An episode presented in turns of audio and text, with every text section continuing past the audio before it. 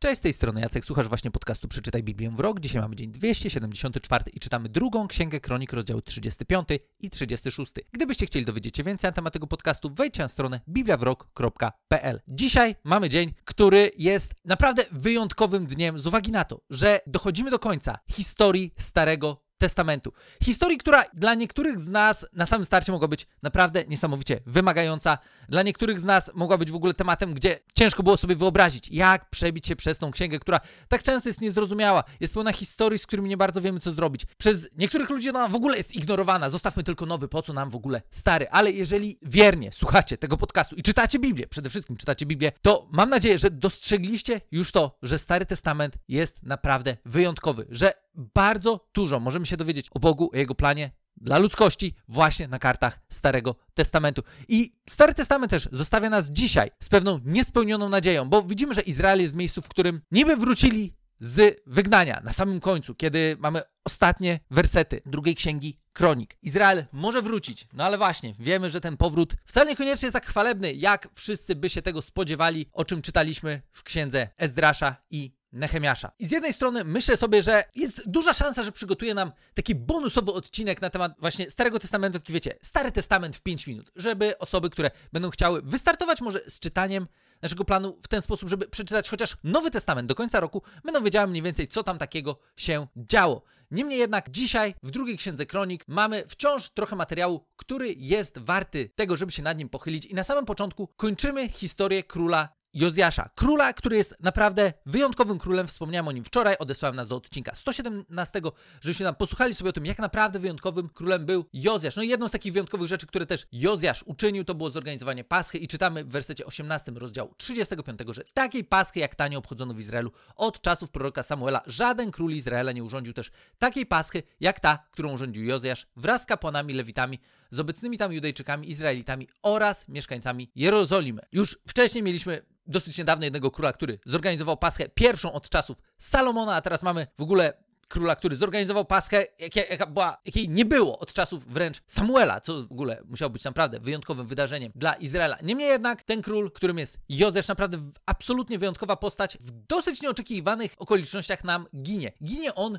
w bitwie, którą toczy królem Egiptu Necho, który to wyrusza na wojnę, ale wygląda na to, że wcale niekoniecznie to właśnie Juda jest potencjalnym celem króla Egiptu. Niemniej jednak Jozjasz decyduje się zmierzyć właśnie z nim i choć król Egiptu daje odpowiedź która mogłaby dla Jozjasza być jakimś takim znakiem, ej, może rzeczywiście coś tu jest na rzeczy, no to jednak nie jest. Bo ciekawe jest to, że król Egiptu wysyła do Jozjasza posłańców z taką wieścią: Co my mamy do siebie, królu Judy? Nie wyruszyłem dziś przeciwko tobie, wyprawiłem się przeciwko królestwu, z którym rozpocząłem wojnę, i Bóg powiedział mi, bym się spieszył. Ustąp więc Bogu, który jest ze mną, abym cię nie zniszczył. Ciekawe jest to, że król Egiptu powołuje się na Boga, powołuje się na jakąś misję, którą Bóg mu dał i co więcej, zaraz dalej przeczytamy o tym, że faktycznie Bóg przez niego mówił, że faktycznie Jozjasz niepotrzebnie stawał do walki z tym królem, bo po pierwsze, nie on był obiektem potencjalnego ataku, no ale zagrodził drogę, król Egiptu miał jakąś tam swoją misję, więc zmierzył się z Jozjaszem i czytamy od wersetu 22, że mimo to Jozjasz nie zmienił wobec niego zamiarów, przeciwnie, Przebrał się, aby z nim walczyć. Nie posłuchał słów Necha, pochodzących z ust bożych, lecz naciągnął, by walczyć na równinie Megido. No i tam Jozjasz ginie. I kiedy czytaliśmy relacje na temat Jozjasza właśnie w drugiej księdze królewskiej, to być może też mieliście tak, że kiedy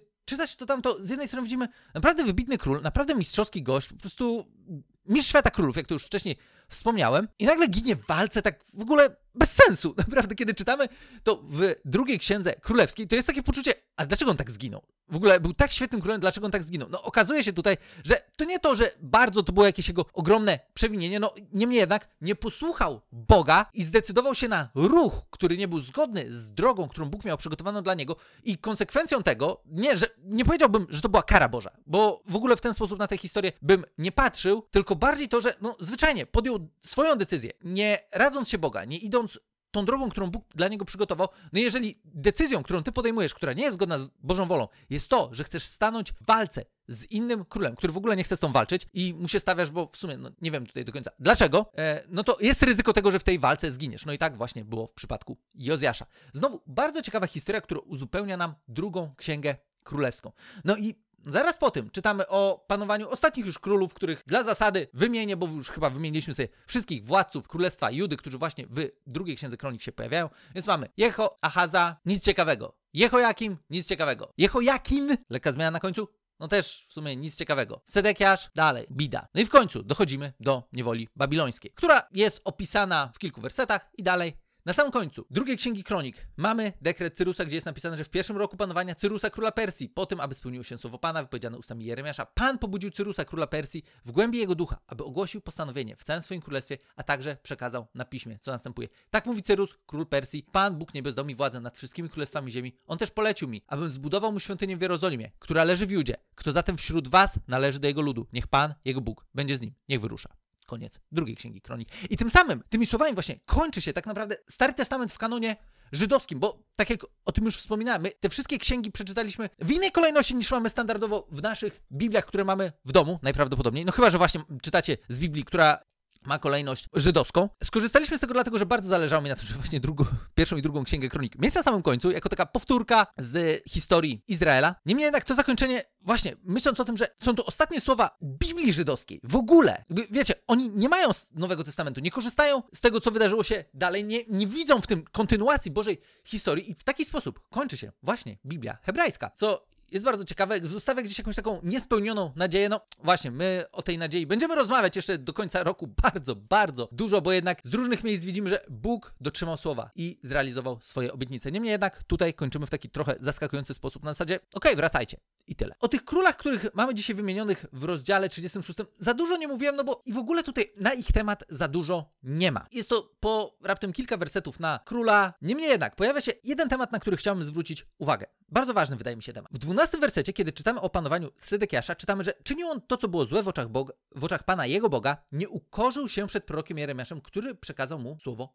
Pana. I dalej, kolejna ciekawa rzecz jest taka, że w wersecie 15 i 16 czytamy, że tymczasem Pan, Bóg ich ojców, przemawiał do nich nieustannie za pośrednictwem swoich posłańców, ponieważ litował się nad swoim ludem i nad miejscem, które obrał sobie na mieszkanie. Oni jednak drwili z Bożych posłańców, gardzili jego słowami, wyśmiewali się z jego proroków, w końcu wywołali gniew Pana na jego własny lud, na ich odstępstwo. Nie było już lekarstwa. I tutaj w tych trzech wersetach, właśnie 12, dalej 15 i 16, autor zwraca nam uwagę na postaci, których my tu za dużo nie mamy akurat w drugiej księdze Kronik, Niemniej jednak są to postaci, które są absolutnie kluczowe do tego, żeby dobrze zrozumieć historię i zrozumieć, co się działo. Bo zauważyliście już pewnie, że kiedy czytaliśmy drugą księgę kronik, to pojawiło się nam całkiem sporo momentów, gdzie jakaś historia była uzupełniona, było opowiedziane coś, czego nie czytaliśmy wcześniej w księgach królewskich, co samo w sobie nam pokazuje, że właśnie, gdybyśmy przeczytali tylko księgi królewskie, dużo byśmy stracili, bo nie widzielibyśmy wszystkiego, absolutnie wszystkiego, co się działo. Wciąż nie widzimy absolutnie wszystkiego, ale jednak druga księga, pierwsza i druga księga kronik uzupełniają nam wiele historii i dają nam informacje, których wcześniej nie mieliśmy pokazują nam historie, których wcześniej nie znaliśmy. I są one naprawdę fantastycznym uzupełnieniem tego, co wtedy się działo, ale żeby jeszcze lepiej zrozumieć, co działo się właśnie w czasach królów Izraela i Judy, choć tak jak też już, tu, już to było wspomniane, w przypadku drugiej księgi Kronik mówimy tylko i wyłącznie o królach Judy, tu w ogóle nie pojawiają się królowie Izraela, Królestwa Północnego, co też sprawia, że to czytanie jest trochę prostsze, bo tak naprawdę lecimy król za królem, ojciec, syn, ojciec, syn i tak dalej, więc, więc jakby mamy taką ciągłość genealogiczną, że tak pozwolę sobie powiedzieć. I to jest, wprowadza trochę porządku i trochę łatwiej się czyta niż e, drugą księgę królewską, gdzie jednak, wiecie, z tymi królami, no to tam numery są, czy pierwszą i drugą księgę królewską, gdzie numery z tymi królami są takie, że tam po prostu raz mamy króle, króla Judy, króla Izraela, króla Judy, króla Izraela i tam w ogóle taki się robi nam bardzo duży miszmasz, że w ogóle z kartką moglibyśmy siedzieć i sobie rozpisywać, kto kiedy, gdzie tam rządził. Niemniej jednak, w tych królach Judy i Izraela są postaci, które właśnie pojawiły się nam dzisiaj pod koniec drugiej księgi kronik. I tymi postaciami są prorocy. Prorocy, którzy są absolutnie kluczowi do tego, żeby jeszcze lepiej zrozumieć czasy, o których czytamy. Bo tak naprawdę wiecie, my tu przeczytaliśmy sobie, no właśnie, w drugiej księdze kronik chociażby, historię królów Judy, którzy to w większości przede wszystkim byli opisani ci królowie, którzy byli pozytywni i ci zajęli nam 70% miejsca. Nie zmienia to jednak tego, że to nie była większość królów. Większość to byli królowie źli, którzy mniej więcej z 30% miejsca, jeśli chodzi o treść drugiej księgi kronik, nam zajęli. No ale w tym wszystkim wciąż byli prorocy. I tak, jeżeli chcielibyśmy załapać jeszcze lepiej, co wtedy się działo, co takiego działo się za panowania które, którego króla, to uzupełnieniem do tego są prorocy, których co prawda my już przeczytaliśmy, no ale właśnie, teraz widzimy to, że gdybyście podjęli się czytania Biblii w kolejnym roku, to macie już obraz tego, z czym się mierzymy. Jeżeli chcesz dobrze zrozumieć historię Judy i Izraela, to fantastycznym uzupełnieniem byłyby właśnie księgi proroków, bo oni są osadzani w bardzo konkretnych momentach historii. Znaczy, nie wszyscy, bo są prorocy, którzy niekoniecznie są jednoznacznie określeni, że okej, okay, ten prorok przemawiał wtedy, kiedy żył taki i taki król. Niemniej jednak większość jest. Więc na przykład mamy proroka Joela, który żył za czasów króla Joasza. Tam później byśmy mieli Izajasza i Michasza. Ci to w ogóle to były okolice królów. Tam był Uzjasz, Jo, tam Ahaz, Hiskiasz, no do Manassesa oni by już tam nie sięgnęli. Ale to był na przykład Izajasz i Michasz. E, dalej tam jeszcze już później, od Jozjasza mamy Habakuka, Sofoniasza, Jeremiasza, Ezechiela. Też tam właśnie czas niewoli babilońskiej. Widzimy, że z jednej strony ci prorocy w ogóle byli często sobie współcześni, ale też oni przemawiali i działali w bardzo konkretnym okresie historii Izraela i oni są w stanie nam bardzo fajnie uzupełnić tą historię. Podobnie zresztą jest z prorokami, których księgi mamy, z ich imionami, które już przeczytaliśmy, zakładając, że przeczytaliśmy również Stary Testament i dzisiaj go kończymy, to wciąż mamy chociażby Amosa, Jonasza, Ozeasza, którzy prorokowali z tym, że w Królestwie Północnym, w Królestwie Izraela i dlatego też tutaj nawet oni niekoniecznie, niekoniecznie by dużo nam wnieśli do drugiej księgi kronik, ale z perspektywy właśnie ksiąg królewskich oni wrzucają nam dużo też właśnie takiego kontekstu, bo oni odnoszą się już do konkretnych rzeczy, które działy się wtedy w Izraelu, kiedy prorokują, kiedy przez nich Bóg mówi. Do tego jeszcze w ogóle dochodzą prorocy, którzy nie mają swoich autorskich ksiąg, ale wciąż ci prorocy w zasadzie towarzyszą nam przez całą historię królów Izraela, bo tak naprawdę od samego początku w różnych miejscach historii pojawiali się, że był taki prorok, powiedział coś do króla i okej, okay, on nie ma swojej dedykowanej księgi, ale jednak widzimy, że Bóg ciągle, ale to ciągle, ciągle mówił przez proroków. Później mamy jeszcze takie osoby jak chociażby Daniel, Nahum, gdzie mówimy te, też tutaj chociażby o czasach już, kiedy chociażby część Izraela jest w niewoli, więc bardzo ciekawy materiał mamy właśnie przy okazji proroków i też pokazuje nam to, że żeby dobrze zakumać, o co chodzi w Starym Testamencie, musimy wiedzieć, co dzieje się w różnych księgach, bo one się niesamowicie uzupełniają, dopowiadają różne historie, co też pokazuje nam to, jakim wyzwaniem jest czytanie Biblii, żeby naprawdę zakumać, co, gdzie, kiedy się działo, kto był kim i tak dalej. No bo zwyczajnie często informacje o różnych osobach, informacje o historii, o czasach, o których czytamy, pojawiają się w różnych księgach. I są takie puzzle, które gdzieś tam możemy sobie składać. Dlatego właśnie jeżeli chcemy lepiej poznawać Biblię, poznawać to, co Bóg przez swoje słowo chce nam powiedzieć, to to to nie jest jednorazowa akcja. To, to nie jest tak, że wiecie, a dobra, przeczytałem sobie Biblię, wszystko wiem. No guzik, no raptem liznęliśmy mniej więcej tematów, które tutaj się pojawiają. I naprawdę jest kupa takich mistrzowskich tematów, których nawet nie ruszyliśmy, bo zwyczajnie z perspektywy historii tego, żeby sobie gdzieś tam tą Biblię przeczytać z takim ogólnym zrozumieniem tego, co się dzieje, w jaki sposób Bóg realizuje swoją misję, to, to nawet niekoniecznie były to aż tak ultra kluczowe rzeczy dla nas na ten etap, bo zakładając, że codziennie czytamy mniej więcej tyle, ile w planie jest przewidziane, to wiecie, mam 15 minut czytania, tutaj mamy około tych 12 minut podcastu, no o wszystkim nie jesteśmy w stanie sobie wyczerpująco powiedzieć. Tym bardziej, że, że czasami robiliśmy wycieczki na przykład do Nowego Testamentu, żeby pokazać po pewne połączenia. Tu można dużo więcej czasu spędzić na tym, żeby właśnie patrzeć, jak później Nowy Testament będzie nam uzupełniał Stary Testament, ale to też będziemy robić przy okazji Nowego Testamentu, który będziemy zacząć już jutro. E, I wtedy też będziemy mogli sobie właśnie w ogóle przy okazji pierwszej księgi Nowego Testamentu, którą będziemy czytać, będziemy mogli sobie zobaczyć, do ilu miejsc Starego Testamentu ona się odnosi. I dlatego też tak ważne jest to, żeby znać Stary Testament, bo zwyczajnie Nowy Testament, te księgi, które my znamy jako Nowy Testament, one zostały napisane w świecie żydowskim. One zostały napisane w kontekście, jako kontynuacja historii Izraela, którą Bóg przygotował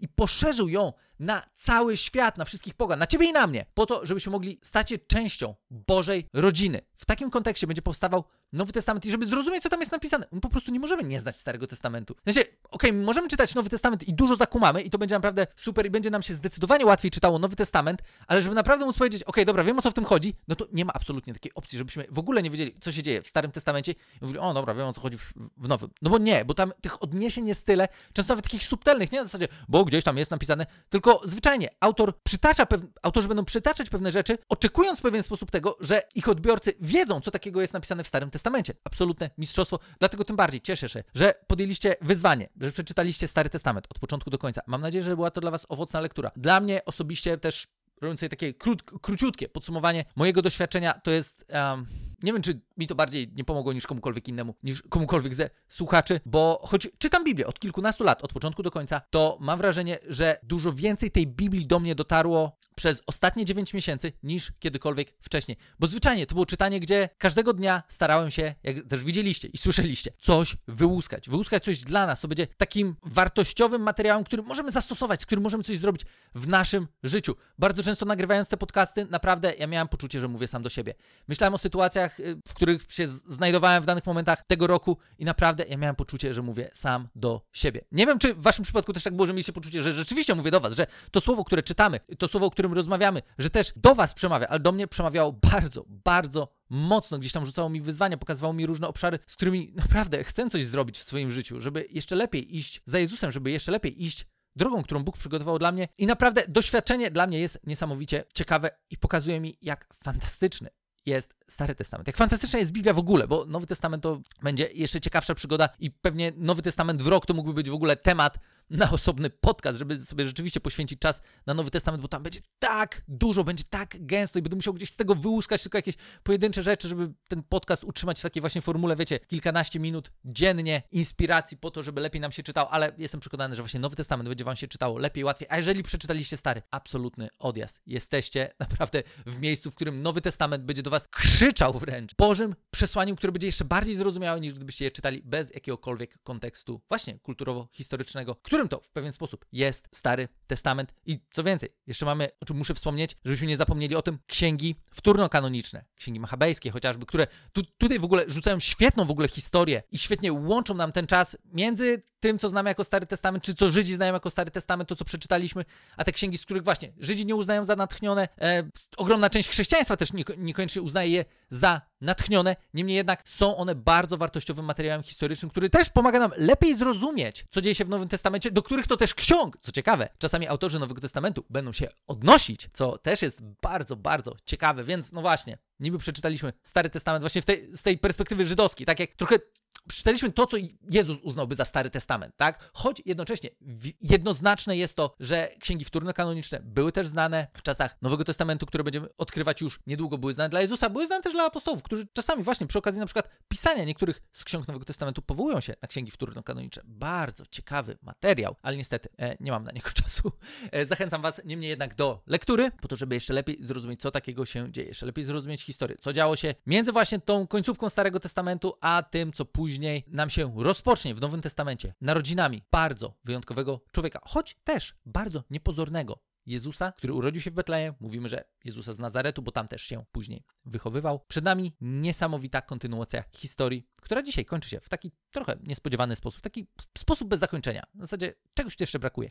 No i właśnie ten brak będziemy uzupełniać kartami Nowego Testamentu, kontynuacją tego, co Bóg czynił na świecie i dalej czyni i chce czynić w Tobie i we mnie, po to, żeby jak najwięcej ludzi mogło go odkryć, poznać i iść drogą, którą On przygotował dla życia każdego z nas. Po to, żebyśmy sprawili, że ten świat choć trochę będzie lepszym miejscem za naszego życia i jednocześnie przygotowali się do życia w świecie, który Bóg ostatecznie ma zaplanowany, który będzie całkowicie odnowiony, który będzie miał całkowicie świeży start po to, żebyśmy w końcu mogli żyć właśnie w tym świecie, który Bóg przygotował dla nas, a który zwyczajnie schrzaniliśmy i o tym, jak to było schrzanione, czytaliśmy dużo na kartach Starego Testamentu. Tyle z mojej strony na dzisiaj. Mam nadzieję, że dla Was to też była ciekawa lektura, ciekawe doświadczenie. Gdybyście mieli jakieś pytania, wiecie na stronę bibliawrok.pl lub też napiszcie do mnie na adres jacekmapa.bibliawrok.pl i tak szczerze, zachęcam Was do tego. Napiszcie kilka słów o tym, jak Wam się czytał Stary Testament, czy Wam się podobało, czy Wam się nie podobało, czy przeczytaliście cały, może tam jedynie wyrywkowo. Wciąż dajcie znać, co o tym myślicie. To dla mnie będzie bardzo cenna informacja, która też pomoże mi lepiej przygotować materiał do kolejnych odcinków, w których będziemy odkrywać już tę kolejną część Biblii, którą my dzisiaj nazywamy Nowym Testamentem. Wielkie dzięki raz jeszcze i do usłyszenia w kolejnym odcinku.